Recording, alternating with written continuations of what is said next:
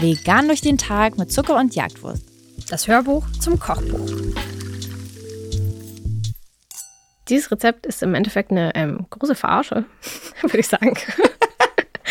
Denn ähm, es sieht klasse aus, aber es ist absolut idiotensicher. Weil im Endeffekt haben wir, glaube ich, drei, vier Zutaten zusammengeworfen und es sieht aus wie ein fancy Auflauf. Es ist aber einfach nur Fertigteig mit ein bisschen Obst und Nüssen. ist es nicht genial? Badam. Ja, ihr dachtet, ihr kriegt hier raffinierte Rezepte in unserem Kochbuch. Aber nein.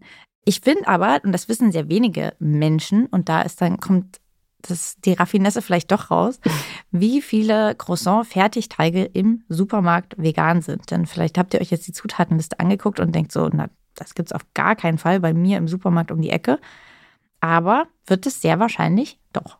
Ich nenne jetzt keine Marken, aber diese kleinen blauen Dosen zum Beispiel könnt ihr euch ja mal genauer angucken. Richtig. Und da bekommt ihr zum Beispiel welche her. Und ihr könntet natürlich auch Blätterteig nehmen. Es gibt so einen Blätterteig in sehr dünn gerollt im normalen Kühlfach. Auch da gibt es ziemlich viele vegane Varianten. Es gibt aber auch vor allem von vielen Eigenmarken in der Gefrierabteilung diese richtig dicken Blätter vom Blätterteig. Und die sind sehr, sehr oft vegan und die könnt ihr im Prinzip auch einfach zurechtschneiden und zusammenrollen. Falls es also doch keinen dieser Fertigteige direkt für Croissants gibt, ist eine Alternative auf jeden Fall diese dicken TK-Croissant-Blätterteige. Richtig. Ähm, das heißt, dieses Rezept ist im Endeffekt für euch am Morgen ähm, eigentlich relativ schnell gemacht, wenn ihr nicht auf so eine Tiefkühl-Teig-Variante zurückgreift, denn ihr müsst euren oder ihr dürft euren Croissant-Teig aufrollen. Wir haben da noch so ein bisschen Pflaumenmus reingestrichen ähm, für die Raffinesse dieses genialen Rezepts.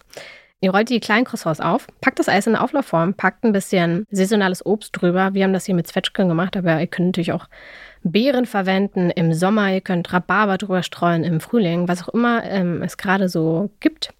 Haben noch ein paar Mandelstifte draufgehauen, aber auch die könnt ihr natürlich austauschen. Das in den Ofen geschoben und zack, fertig ist euer Croissant-Auflauf. Klingt fancy, aber im Endeffekt ist es absolut simpel. Ja, aber es ist wirklich genial, gerade wenn ihr Leute zu Besuch habt, wenn ihr mal Freunde habt, die bei euch übernachten, da könnt ihr, glaube ich, richtig punkten. Wenn ihr das Ja. schnell, wenn die noch schlafen oder im Bad sind, schnell in den Ofen werfen und dann kommen die raus und es duftet nach Croissants und dann sind die so, was zur Hölle, wie habt ihr das denn jetzt noch gemacht? Dann könnt ihr hier richtig punkten. Und ihr könnt natürlich auch die Croissants unterschiedlich füllen. Hm. Da kommt noch ein kleiner, ein kleines Spiel eigentlich ins Frühstück. Äh, man könnte ja auch Schokocreme zum Beispiel reinmachen. Es gibt ein Croissant, das ist mit Leberwurst bestrichen. Mal gucken, welcher Oh, Idiot. ja. Das erinnert mich daran, ähm, kommt. dass man, hattet ihr das auch zu Fasching, dass es Pfannkuchen Mm. mit Pflaumenmus Mm. und Marmelade gab und man behauptet hat, in einem wäre Senf? ja, kenne ich. Und heutzutage wäre ich so geil, den will ich.